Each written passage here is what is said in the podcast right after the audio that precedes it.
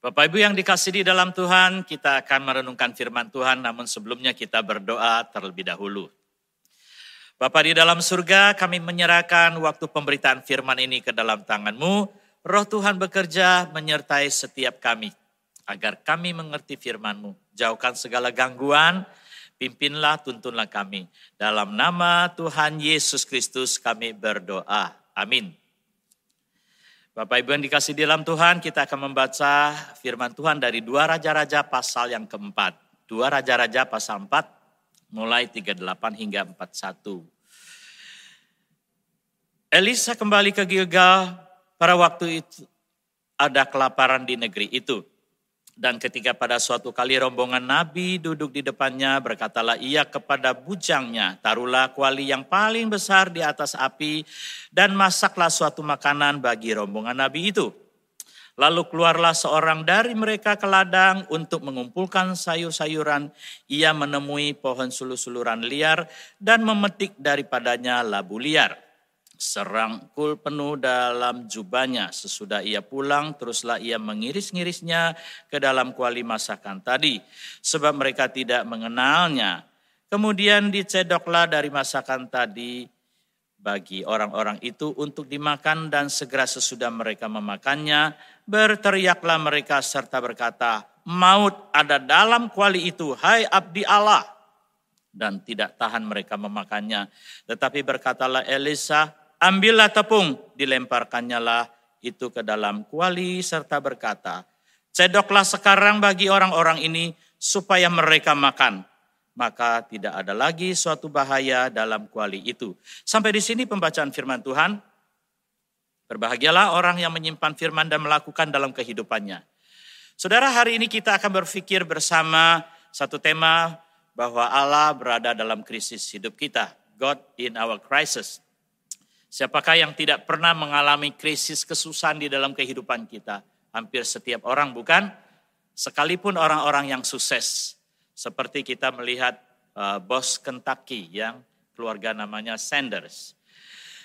Siapakah yang nggak pernah makan ayam Kentucky? Hampir semua orang pernah makan ya, anak kecil, dewasa maupun orang tua saudara.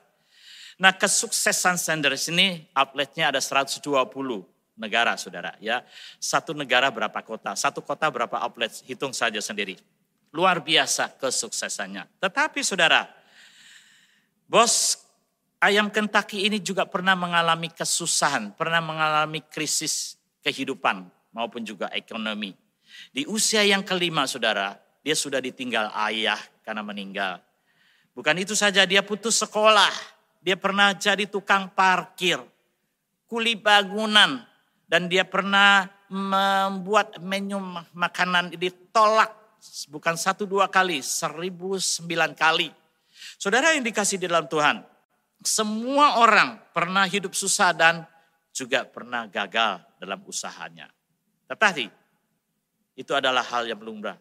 Miskin atau keadaan susah dan kritis itu adalah lumrah yang dialami oleh manusia. Bukan saja saudara yang mengalami, tapi kita melihat Nabi Elia dan Nabi Elisa pun juga mengalami hal yang sama. Ada kesamaan kedua nabi ini hidup dalam eh, di kerajaan Israel. Di bawah raja yang jahat yang tidak takut akan Allah, yang selalu berpaling kepada berhala bukan kepada Tuhan. Karena itu Saudara ada krisis-krisis uh, kehidupan materi ya Eh, jasmani maupun juga krisis rohani yang melanda mereka. Tetapi Elia maupun Elisa ingin membuktikan di dalam keadaan krisis seperti itu pun juga Allah akan menyertai umatnya bila mereka berpaling dan percaya kepada Allah sepenuhnya. Dan kita akan belajar di sini bahwa kehadiran Allah dalam krisis hidup manusia. Saudara, krisis jasmani dan rohani dialami oleh umat Tuhan di bawah pimpinan pelayanan Elia maupun Elisa pada waktu itu. Kerajaan Israel yang sungguh-sungguh harus bertobat dan berpaling kepada Tuhan, saudara. Krisis bencana ini kita bisa lihat di ayat yang ke-38. Uh, Elisa kembali ke Gilgal pada waktu ada kelaparan di negeri itu, saudara. Bencana kelaparan bisa karena musim kering, ya. Bisa juga karena hukuman Tuhan pada mereka. Bisa kedua-duanya. Allah mengizinkan semua itu terjadi supaya mereka insaf, supaya mereka bertobat, supaya mereka berpaling kepada Allah yang hidup, bukan kepada berhala. Dan saudara inilah yang penting kita pelajari di dalam keadaan apa pun juga dalam kehidupan kita pada saat ini. Janganlah kita meneropongi atau mencari hal-hal yang alternatif menggantikan posisi Allah yang hidup. Di sinilah Elisa mengajar kita bahwa Elisa tetap pergi ke Gilgal walaupun dia tahu di situ ada kelaparan. Saudara Gilgal ini tempatnya apa saudara? Tempat perkemahan bangsa Israel ketika zaman Yosua, mereka mau menaklukkan Kanaan. Mereka pernah berkemah di situ, singgah di situ, dan mengadakan perjanjian dengan Allah. Dan sunat adalah tandanya bahwa mereka pernah melakukan perjanjian dengan Allah berkemah di situ. Itu tandanya bahwa Allah pernah hadir di sana. Allah bersama dengan mereka, saudara. Dan di sinilah kita melihat uh, hal yang sangat menarik buat kita adalah kehadiran Allah di dalam krisis itu. Elisa ingin membuktikannya bahwa Elisa tahu tempat itu ada kelaparan, tetapi dia tidak melarikan diri dari tempat itu. Beda ya dengan uh, kisah Naomi. Bapak Ibu masih ingat kisah Naomi di kitab Rut ketika di Bethlehem, ya, desa kecil di Yudea itu ada kelaparan. Maka Naomi bersama suami dan anak-anaknya mereka pergi ke negeri Moab. Negeri Moab ini adalah negeri asing atau negeri kafir begitu ya kasarnya minta bantuan Allah ilah orang lain atau negeri orang lain. Melupakan Allah dan tidak percaya bahwa Allah ada di dalam krisis mereka di Bethlehem. Saudara, ini adalah kesalahan terjadi. Mungkin itu adalah yang menjadi kesusahan hati Naomi ketika suami dan anak-anaknya dipanggil Tuhan pada waktu itu. Saudara yang dikasih di dalam Tuhan, kita akan melihat bagaimana Elisa dia begitu percaya bahwa Allah akan menyertai dia. Karena itu dia tidak melarikan diri dari Gilgal. Dia tetap pergi ke Gilgal untuk membuktikan dan memulihkan keadaan iman dan rohani orang-orang pada waktu itu yang sudah berpaling kepada berhala. Krisis kelaparan itu bisa mendorong orang untuk mencari ilah dewa atau patung berhala yang lain. Karena mereka menantikan Allah Yahweh kok tidak kunjung datang, tidak menolong. Saudara, itulah Allah membiarkan. Allah mengizinkan. Menguji kesetiaan iman mereka. Ternyata mereka tidak demikian saudara. Kadang kita melihat ketika ada orang di dalam kesusahan. Mereka tidak stick to the point. Mereka tidak tetap berpaling pada Allah mencari hal-hal yang alternatif. Kadang-kadang sudah tidak masuk akal. Saudara ingat uh, cerita di India ketika uh, COVID varian Delta yang sangat luar biasa menyerang di negara itu, saudara. Ada begitu banyak korban luar biasa. Tentu saja di dalam kepercayaan mereka ada dewa, ya, ada ilah dan penyembahan-penyembahan seolah-olah sudah tidak kunjung datang menolong mereka. Ada banyak korban. Seperti itu saudara. Sehingga ada orang yang mencari kesembuhan alternatif dengan mandi kotoran kerbau begitu ya. Bukan satu dua orang saudara rombongan demi rombongan sampai pemerintah harus menurunkan perintah melarang mereka untuk mandi eh, kotoran kerbau yang tidak masuk akal itu saudara. Demikian juga saudara ketika kita melihat bangsa Israel mengalami krisis jasmani ya, krisis rohani. Mereka sudah tidak berpaling kepada Tuhan. Mereka mencari ilah Allah lain. Ya. Nah kalau saudara perhatikan uh, dua Raja pasal 1 ayat 3, di situ dikatakan demikian. Apakah tidak ada Allah di Israel sehingga kamu ini pergi untuk meminta petunjuk kepada Baal Zebub, Allah di Ekron. Nah saudara, Tuhan mengutus Elia pada waktu itu menegur mereka dan mengatakan apakah tidak ada Allah di Israel. Ini adalah satu penghinaan yang luar biasa yang mengatakan atau menyatakan bahwa Allah sudah tidak ada. Mari kita cari Baal, Allah di Ekron. Ini adalah nabi-nabi palsu di sana. Mereka mencari patung berhala, dewa kesuburan. Tapi Allah membuat tanah itu tetap kering supaya mereka tahu bahwa dewa kesuburan pun tidak bisa mengubah keadaan kalau bukan Allah yang mengubahnya. Saudara kita melihat tindakan iman dari Elisa ingin membuktikan bahwa Allah hadir dalam krisis mereka. Lalu Elisa perintahkan bujangnya masak untuk rombongan besar dengan kuali yang besar. Saudara kalau masak kuali yang besar itu tandanya apa saudara? Tandanya kayak pesta, meriah saudara. Bagaimana mungkin ya? Ini dalam keadaan krisis, dalam keadaan susah, dalam keadaan kelaparan. Bagaimana? Apakah ada makanan? Apakah ada yang bisa dimakan? Masaknya sebegitu banyak. Tapi Elisa ingin membuktikan bahwa Allah ada dalam krisis mereka. Karena mereka sudah tidak menghiraukan. Karena iman mereka dan kerohanian mereka sudah begitu bobrok. Sudah tidak dekat dengan Allah dan tidak percaya akan perbuatan tangan Allah. Nah saudara ketika seorang pelayan mengambil sayur-sayuran atau sulu-suluran liar yang tidak dikenal di sini dikatakan ya di ayat ke-39 tidak dikenal. Artinya sayur yang biasa dimakan yang bisa dikenal sudah tidak ada. Memang sudah tidak ada, ya apa saja yang ada. Nah saudara ini adalah sayuran yang sebetulnya tidak mungkin bisa dikonsumsi. Tapi karena disuruh masak, ya ambil saja. Ya, dia turut saja saudara. Lalu setelah dimasak, kemudian dihidangkan. Di ayat yang ke-40 dikatakan apa saudara? Segera sesudah mereka memakannya, berteriaklah mereka serta berkata, maut ada dalam kuali itu. Hai abdi Allah, apakah engkau mau meracuni kami?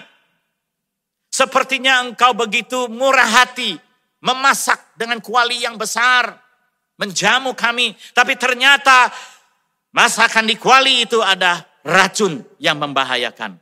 Saudara bayangkan, ini adalah satu tantangan yang luar biasa. Bagaimanakah abdi Allah Elisa itu kalau dia juga krisis rohani, krisis iman dan dia tidak percaya Allah hadir pada waktu itu, maka matilah semua orang di situ Saudara. Apakah ada way out? Apakah ada jalan keluar? Mungkin saudara ingat sebuah nyanyian berkata, God will make a way where there seem to be no way. Dia buka jalan saat tiada jalan.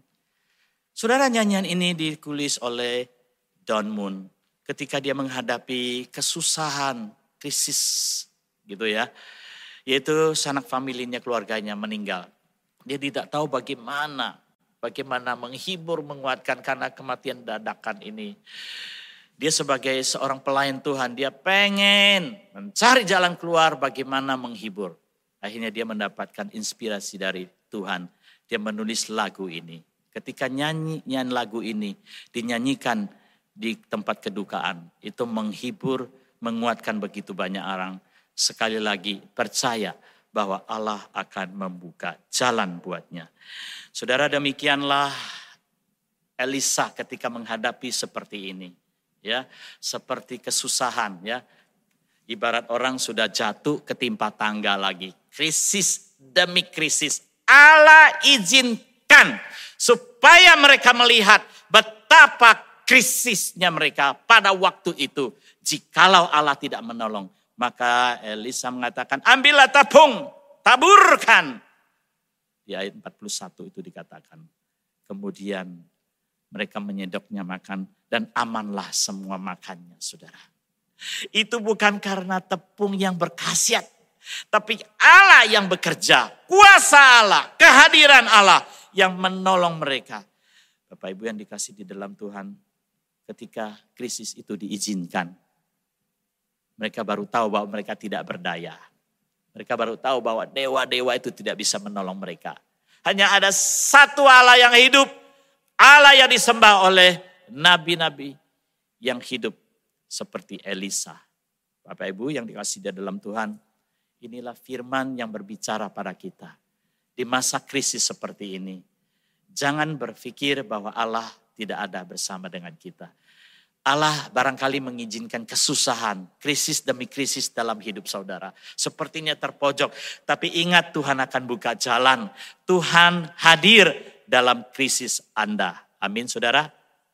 Bagian yang kedua saya akan bacakan di Dua Raja pasal 4 ayat 42.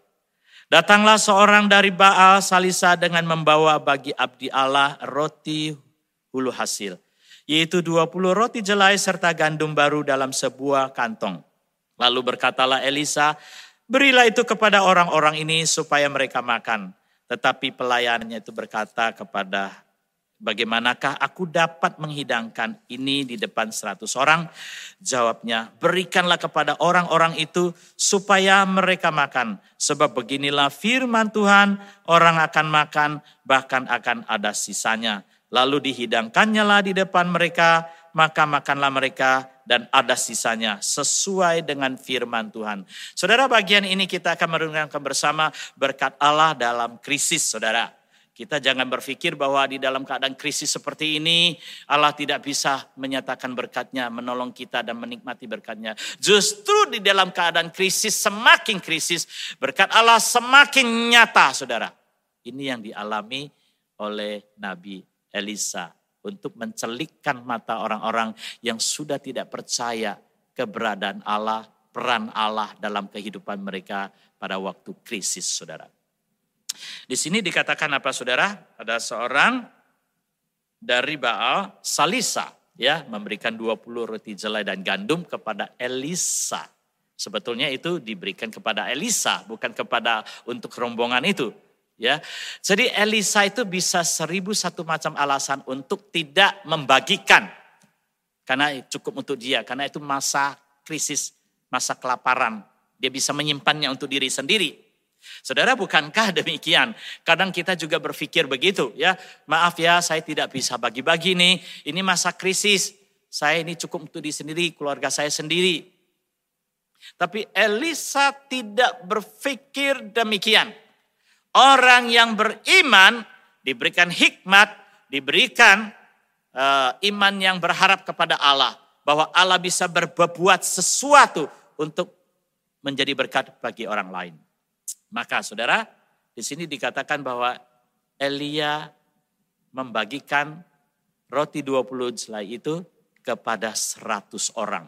Wah, saudara bayangkan, masuk akal enggak? Enggak mungkin saudara ya, enggak mungkin bisa ya. Tetapi apa yang dikatakan? Elisa di ayat yang ke-42. Tetapi pelayannya itu berkata, bagaimana aku dapat menghidangkan ini di depan seratus orang? Jawabnya, berikanlah kepada orang-orang itu supaya mereka makan. Sebab beginilah firman Tuhan, orang akan makan, bahkan akan ada sisanya. Berikanlah orang makan, ya, bahkan akan ada sisanya. Firman Tuhan yang berkata demikian sudah tidak diimani oleh orang-orang pada waktu itu. Firman Tuhan yang hidup Janji firman Tuhan yang dibaca, yang dimengerti itu sudah tidak berlaku lagi buat mereka pada saat krisis seperti itu. Tetapi bagi Elisa, firman Tuhan itu hidup. Firman Tuhan itu akan dinyatakan. Dan firman itu juga akan membuktikan bahwa di dalam krisis pun Allah akan berbuat sesuatu sesuai dengan firmannya. Maka saudara ketika mereka disajikan makan, maka ada sisanya Bukankah ini ada satu keajaiban yang luar biasa? Ada sisanya ketika diberikan kepada mereka. Saudara, pada saat kita memberi dalam kekurangan, kita akan menuai kelebihan berkat itu. Ya, jadi di situ dikatakan bahwa mereka akan menuai, bahkan ada sisanya. Bapak Ibu, bagaimana bisa ada sisanya kalau tidak dimulai memberi yang sedikit? Nah, Saudara kisah ini hampir sama dengan uh, mukjizat Yesus memberikan 5000 orang makan sampai kenyang ya yang terdapat di Injil Yohanes pasal 6 ayat 13. Di situ dikatakan, maka mereka pun mengumpulkannya dan mengisi 12 bakul penuh dengan potongan-potongan dari kelima roti jelai yang lebih setelah makan. Saudara, bagaimana bisa sisa 12 bakul kalau tidak dimulai 5 roti dua ikan? Bagaimana orang bisa makan kenyang dan ada sisanya kalau saudara tidak rela membagikan yang sedikit ini, lima roti dua ikan, kepada orang banyak itu, saudara tidak akan melihat ada berkat di dalam krisis itu dan ada kelebihan berkat di dalam krisis itu. Bapak Ibu yang dikasih di dalam Tuhan, sering kali kita uh, minta excuse sama Tuhan ya karena kita berpikir Tuhan saya di dalam keadaan kekurangan dalam krisis dalam pandemi seperti ini Tuhan pasti mengerti saya. Kalau saya tidak bisa memberikan persembahan kalau saya tidak bisa menolong sesama kalau saya tidak bisa membantu itu membantu ini karena dalam keadaan krisis saya tidak bisa. Tuhan mengerti itu. Kita selalu minta excuse Coba saudara perhatikan pengumuman ini, apa yang menjadi respon saudara?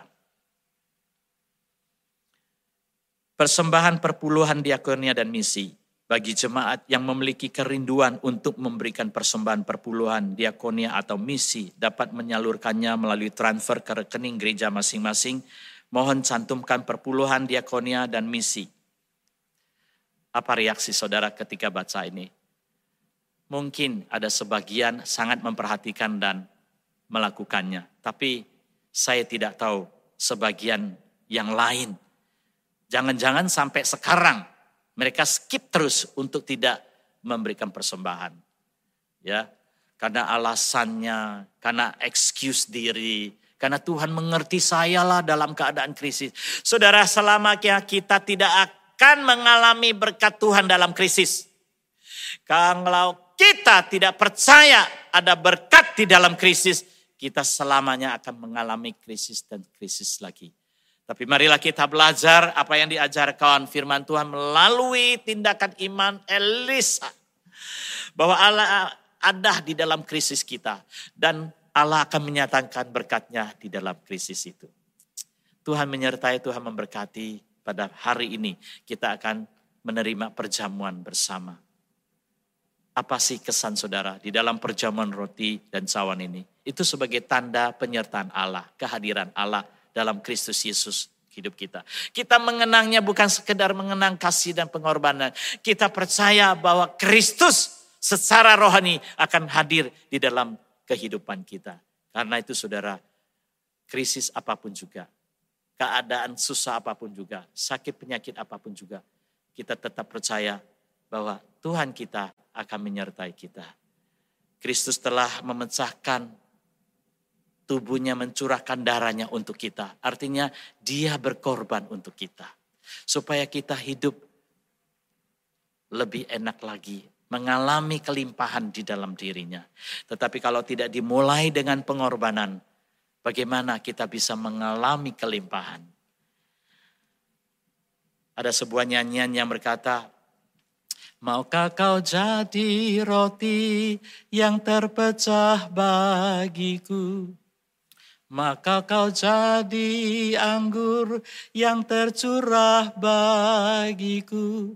Maka kau jadi saksi memberitakan Injilnya. Melayani, mengasihi lebih sungguh Saudara di dalam keadaan apa pun juga kita belajar biarlah Tuhan menolong kita. Belajar memecah-mecahkan seperti Tuhan memecah-mecahkan tubuhnya. Artinya kita belajar berkorban dalam keadaan apa pun juga. Tetapi di dalam pengorbanan itu membawa arti menjadi berkat begitu banyak orang. Karena Allah yang turut bekerja di dalam kehidupan kita firman ini menjadi bagian kita, memberkati kita semua. Amin. Mari kita berdoa. Ya Tuhan kami mengucap syukur untuk firman yang sudah Engkau ajarkan kepada kami. Bahwa Engkau adalah Allah yang hidup. Allah yang akan menyertai kami di dalam krisis, di dalam kesusahan apa pun juga. Kami menyadari kadang Allah tidak menjawab dan Allah membiarkan krisis demi krisis. Tapi Allah ingin kami mengalami berkat demi berkat melalui krisis krisis yang kami alami. Tuhan berkati juga perjamuan sebentar lagi yang akan kami terima bersama. Kiranya kami boleh dihidupkan kembali iman dan rohani kami dalam keadaan yang tidak memungkinkan ini di masa-masa pandemi ini. Biarlah kami percaya penyertaan pertolongan Allah nyata dalam kehidupan kami. Demi nama Tuhan Yesus Kristus kami berdoa. Amin. Bapak Ibu yang dikasih di dalam Tuhan, sebelum kita memulai perjamuan roti dan cawan, kami akan membacakan satu bagian firman Tuhan yang diambil dari 1 Korintus pasal 11 ayat 26.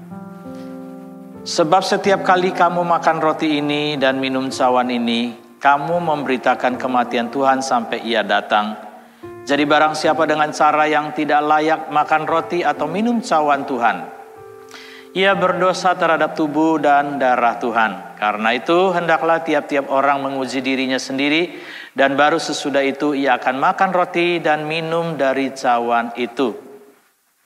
Saudara, perjamuan roti dan cawan disediakan bagi anak-anak Tuhan yang sudah menerima baptisan dewasa maupun sidi. Setelah kita menguji diri kita di hadapan Tuhan, kiranya Tuhan melayakkan kita untuk menerima perjamuan ini. Mari kita berdoa sebelumnya. Kepadamu ya Tuhan kami bersyukur sekali lagi diberikan kesempatan untuk menerima perjamuan roti dan cawan sebagai tanda pengorbanan dan kasih Tuhan kepada kami.